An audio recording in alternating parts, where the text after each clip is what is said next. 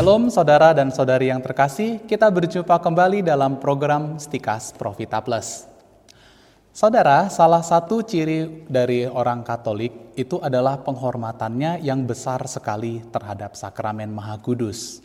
Kita bisa lihat ketika orang Katolik masuk ke gereja, maka mereka akan selain membuat tanda salib, mereka akan menundukkan badan, membungkuk dan hormat. Mengapa? Karena di sana ada sakramen Maha Kudus yang ditatakan di dalam tabernakel. Begitu pula ketika kita melihat ketika orang Katolik melakukan adorasi. Mereka semua bersujud menyembah di hadapan sakramen Maha Kudus. Nah, bagi orang yang tidak mengerti, ini menjadi suatu pemandangan yang aneh. Kenapa? Ya karena sakramen Maha Kudus itu kan bentuknya seperti ini, roti. Roti kecil, putih, Nah, lalu kemudian kita sujud di depan benda ini, yaitu kan seperti menyembah berhala. Nah, inilah sebetulnya yang menjadi kekayaan iman Katolik. orang Katolik mengimani bahwa Yesus sungguh hadir di dalam sakramen Maha Kudus. Nah, masalahnya ternyata ada banyak orang Katolik yang masih belum memahami bahwa Yesus sungguh-sungguh hadir dalam sakramen Maha Kudus secara nyata ada orang yang menganggap bahwa kehadiran Yesus itu hanya simbolis saja. Oh, roti ini yang melambangkan Yesus. Jadi kalau kita melihat roti kita ingat pada Yesus. Tidak, sebetulnya Yesus sendiri adalah roti itu. Hal ini adalah hal yang sangat penting karena dalam perayaan Ekaristi di mana roti dan anggur diubah betul-betul menjadi tubuh dan darah Yesus, itu adalah sumber dan puncak dari iman Katolik. Nah, mengapa orang-orang ini sulit untuk memahami hal ini? Ya karena hal ini sulit diterima oleh akal sehat kita. Karena secara kasat mata yang kita lihat tidak ada yang berubah. Roti tetaplah roti, dia tidak menjadi daging. Jadi bagi banyak orang ya hal ini sulit untuk dijelaskan. Nah, maka dalam sesi ini saya akan mencoba untuk menjelaskannya. Kita mulai dari dasar kitab suci. Kita lihat dalam Injil menurut Yohanes bab 6 ayat 51 dikatakan demikian. Yesus berkata, Akulah roti hidup yang telah turun dari surga. Jikalau seorang makan dari roti ini, ia akan hidup sampai selama-lamanya. Dan roti yang kuberikan itu ialah dagingku yang akan kuberikan untuk hidup dunia. Nah, perkataan ini dari Yesus ini pada saat itu mendapatkan reaksi yang keras, khususnya di kalangan orang-orang Yahudi. Maka kita bisa melihat dalam ayat selanjutnya, orang-orang Yahudi bertengkar di antara mereka dan mereka berkata, bagaimana mungkin orang ini dapat memberikan dagingnya kepada kita untuk dimakan? Nah untuk orang Yahudi, hal ini bisa dimengerti karena dari hukum Taurat Musa mereka dilarang dengan keras untuk makan daging mentah apalagi minum darah. Karena darah itu adalah hidup. Jadi binatang itu tidak boleh dimakan dengan darahnya. Itu adalah haram. Nah kalau binatang aja haram, sekarang Yesus berkata bahwa mereka harus makan dagingnya, daging manusia, dan minum darahnya, darah manusia. Ya, bagi mereka ini bukan hanya haram, tapi menjijikkan. Ini seperti sebuah kanibalisme. Nah, maka setelah itu Yesus bisa saja dia mengatakan bahwa oh iya ini hanya simbolis yang maksudnya roti ini ya adalah lambang dari tubuhku. Tapi dalam ayat selanjutnya Yesus malah semakin menegaskan kebenaran ini. Kita bisa baca dalam ayat 53 sampai 56. Maka kata Yesus kepada mereka, Aku berkata kepadamu, Sesungguhnya, jikalau kamu tidak makan daging anak manusia dan minum darahnya, kamu tidak mempunyai hidup di dalam dirimu. Barang siapa makan dagingku dan minum darahku, ia mempunyai hidup yang kekal, dan aku akan membangkitkan dia pada akhir zaman. Sebab dagingku adalah benar-benar makanan, dan darahku adalah benar-benar minuman. Barang siapa makan dagingku dan minum darahku, ia tinggal dalam aku dan aku dalam dia.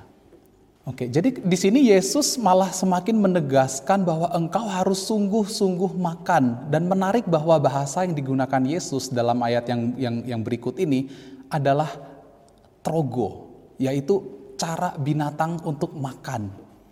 Ya. Jadi kalau manusia biasanya makan itu menggunakan kata fago, tapi Yesus menggunakan kata trogo. Maka ini betul-betul secara harafiah memakan, menggigit begitu. Nah, jadi Yesus tidak mereduksi hal ini sebagai suatu simbol. Dan ajaran ini akhirnya menjadi satu titik perpecahan di antara para murid. Kita melihat reaksi para murid bahwa sesudah mendengar semuanya ini banyak dari murid Yesus yang berkata, perkataan ini sangat keras, siapakah yang sanggup mendengarkannya? Dan mulai dari waktu itu, banyak murid-murid yang mengundurkan diri dan tidak lagi mengikut Yesus. Jadi, saudara-saudari, sejak zaman Yesus, ajaran tentang kehadirannya secara nyata dalam sakramen Maha Kudus ini telah menjadi titik perpecahan di antara umat beriman. Dan perpecahan ini terus terjadi sehingga sampai suatu ketika pada abad ke-14 terjadi reformasi Protestan di sana Luther mengatakan bahwa kehadiran Yesus itu adalah suatu nilai yang ditambahkan ke dalam roti. Jadi roti itu tetap roti, tapi hanya ditambahkan nilainya. Seperti uang, dia tetap kertas, tapi ada nilai yang ditambahkan sehingga sekarang uang itu menjadi berharga. Begitu pula halnya dengan materai dan surat kuasa dan lain-lain. Nah, namun gereja dengan konsili Trente dia kembali menegaskan bahwa sakramen Maha Kudus itu bukanlah sekedar lambang simbol atau tanda, melainkan sungguh-sungguh tubuh Kristus sendiri. Dalam hal ini gereja menggunakan ajaran dari Santo Thomas Aquinas mengenai transubstansiasi. Kita bisa lihat dalam Summa Theologiae buku ketiga pertanyaan ke-75 di sana Santo Thomas mengatakan apakah dalam sakramen ini tubuh Kristus sungguh hadir secara nyata berdasarkan kebenaran atau ini hanya sekedar lambang? Nah, untuk menjelaskan hal ini, Thomas Aquinas menggunakan konsep substansi dari Aristoteles. Nah, jadi kita tahu bahwa segala sesuatu, segala realitas itu terdiri dari substansi dan aksiden. Apa itu substansi? Substansi itu adalah realitas terdalam dan inti dari suatu realita yang membuat itu menjadi itu dan bukan yang lain. Ya misalnya dalam hal ini eh, roti ini, roti ini memiliki substansi, ya uh, apa ya, kita begitu melihat barang ini kita bisa tahu bahwa ini adalah roti dan ini bukan misalnya ikan atau misalnya permen, bukan. Kita tahu bahwa ini adalah roti dan bukan yang lain karena dia memiliki substansi roti. Walaupun dia berubah warna, walaupun dia dia dia berubah bentuknya, tapi kita masih bisa membedakan ini adalah roti dan bukan yang lain karena substansinya tidak berubah. Nah, selain substansi ada yang namanya tadi aksiden. Aksiden itu adalah penampakan apa yang kelihatan ya termasuk di dalamnya warna, bentuk, ukuran, berat, apa pun yang bisa dicerap oleh indera kita itu adalah aksiden. Aksiden ini melekat pada substansi tanpa membuatnya menjadi itu. Jadi seperti saya katakan tadi, walaupun misalnya roti ini warnanya berubah menjadi kuning misalnya, ya dia tetap roti. Atau misalnya saya kehilangan rambut, ya saya tetap saya, begitu. Nah, apa yang terjadi ketika konsekrasi, ketika imam mengangkat roti, lalu kemudian dia mengatakan, "Ini adalah tubuhku"? Saat itu terjadi transubstansiasi. Yang berubah bukan aksidennya, melainkan substansinya. Kita melihatnya tetap seperti roti, tetap putih, tetap ringan seperti ini, tetap bulat, tetapi secara substansi dia sungguh-sungguh bukan lagi roti, sehingga kita tidak lagi menyebutnya roti setelah saat itu. Ketika imam kemudian mengangkat, dia mengatakan, inilah tubuhku. Lalu kita mengatakan kepadanya, ya Tuhan, saya tidak pantas engkau datang kepada saya. Kita bukan lagi bilang ya roti, tapi ya Tuhan. Nah di sinilah sebetulnya ada keterbatasan indera kita. Indera kita tidak mampu menangkap perubahan ini. Maka kita tahu bahwa Santo Thomas Aquinas dia mengubah sebuah lagu yang terkenal berjudul Tantum Ergo untuk menghormati sakramen Maha Kudus. Dan di dalam satu baitnya dia seperti ini. Karena indra tidak mampu, iman jadi tumpuan. Ya memang indera kita tidak mampu, maka pengenalan akan Yesus dalam sakramen Maha Kudus itu membutuhkan iman. Nah sekarang saudara, itu teknisnya, transubstansiasi. Namun bagaimana kita bisa memahami, bisa menerima kok perubahan ini bisa terjadi? Konsili Trente mengatakan bahwa hal ini terjadi dengan kuasa kata-kata. Nah sekarang kata-kata kita itu memiliki kuasa. Ada dua macam kata-kata. Yang pertama kata-kata deskriptif. Itu kata-kata yang yang mendeskripsikan realitas. Sebetulnya kata-kata kita semua ini deskriptif. Saya mengatakan baju ini putih ya karena memang dia sudah putih. Kalau saya bilang baju ini biru, dia tidak mengubah realitas bahwa ini tetap putih begitu. Tapi ada juga yang namanya kata-kata transformatif. Kata-kata ini adalah jenis kata-kata yang bisa mengubah realitas. Kenyataan ini bisa kita lihat misalnya dalam satu pertandingan, lalu kemudian terjadi gol, lalu kemudian wasit peniup peluit, lalu dia bilang offside. Saat itu realitas berubah. Gol itu tidak terjadi, melainkan offside. Begitu juga ketika kita ditangkap polisi karena melanggar peraturan lalu lintas misalnya Ketika polisi bilang kamu ditilang, ya maka saat itu yang terjadi adalah kenyataannya kamu kena tilang. Nah, begitu pula dengan firman Allah. Firman Allah itu semuanya kreatif. Ya, kita lihat dalam kejadian bagaimana Tuhan menciptakan segala sesuatu dengan kata-kata. Ia berkata, "Jadilah terang, maka terang pun jadi." Jadilah daratan, maka daratan pun jadi dan lautan terpisah dari daratan. Kata-kata Allah mengubah realitas. Nah sekarang siapa Yesus? Yesus adalah sabda yang menjadi manusia. Dia adalah inkarnasi dari firman. Maka tidak heran bahwa segala kata-kata yang diucapkan Yesus itu menjadi kenyataan. Dia berkata, angin, redalah. Maka saat itu juga angin menjadi reda. Dia berkata kepada anakku dosamu diampuni. Dan sungguh pada saat itu juga dosanya diampuni. Dia berkata Lazarus bangkit dan berjalanlah, maka Lazarus yang sudah mati pun hidup kembali. Kata-kata Yesus memiliki kuasa. Nah, sekarang Yesus yang sama pada perjamuan terakhir, dia mengangkat roti dan dia berkata, "Inilah tubuhku." Tidak ada yang sulit bagi Tuhan. Kata Santa Teresa dari Lisieux, Tuhan itu maha kuasa. Apa susahnya dia menjadi roti? Nah, maka kita mengimani sungguh bahwa ketika dalam perayaan Ekaristi, ketika imam bertindak sebagai Kristus in persona Christi, maka maka ketika ia berkata inilah tubuhku, inilah darahku, maka saat itu bukan imam yang berkata melainkan Yesus dengan segala kuasanya sendiri yang berkata inilah tubuhku dan inilah darahku. Saat itulah transubstansiasi terjadi.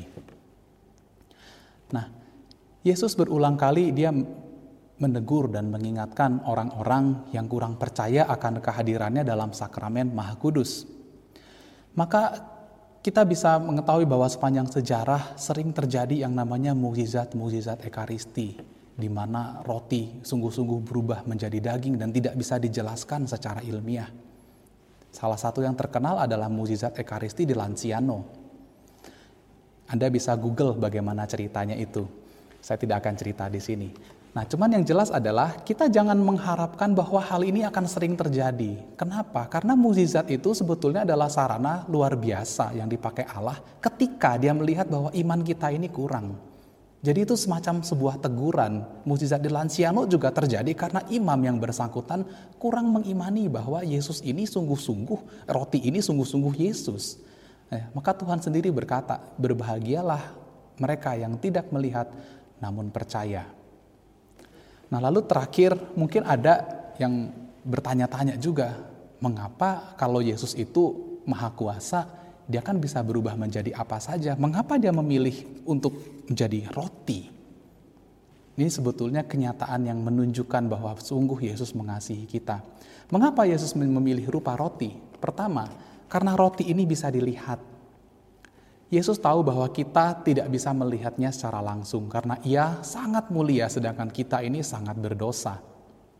Jadi kalau kita melihatnya langsung kita bisa mati. Baru di surga nanti kita bisa melihatnya dari muka ke muka.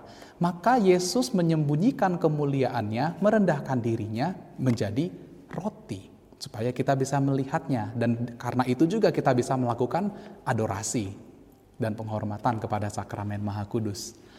Kedua, roti itu bisa disimpan. Yesus berjanji untuk senantiasa menyertai kita sampai akhir zaman. Nah, dengan menjadi roti, ia setia tinggal di tengah-tengah kita. Roti bisa disimpan di dalam sakra, di dalam tabernakel sehingga kita bisa datang mengunjunginya kapan saja dan kita yakin bahwa Yesus hadir di sana. Dan yang ketiga, roti itu bisa dimakan.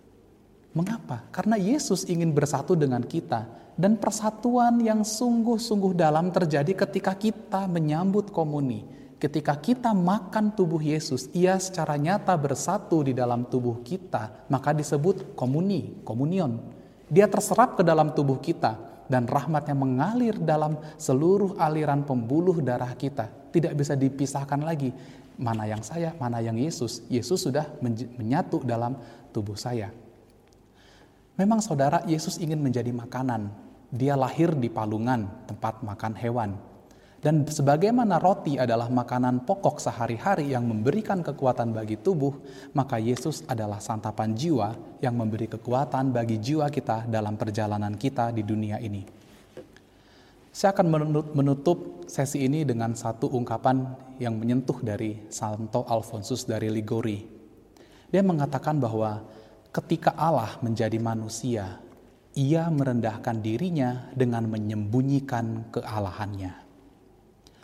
Nah sekarang dengan menjadi roti, dengan menjadi benda mati, ia lebih jauh lagi merendahkan dirinya dengan menyembunyikan kemanusiaannya. Sebagai roti, ia rela dipegang, dibawa-bawa, dimakan, dikurung dalam tabernakel, dicuekin, bahkan dihina oleh orang-orang yang tidak percaya.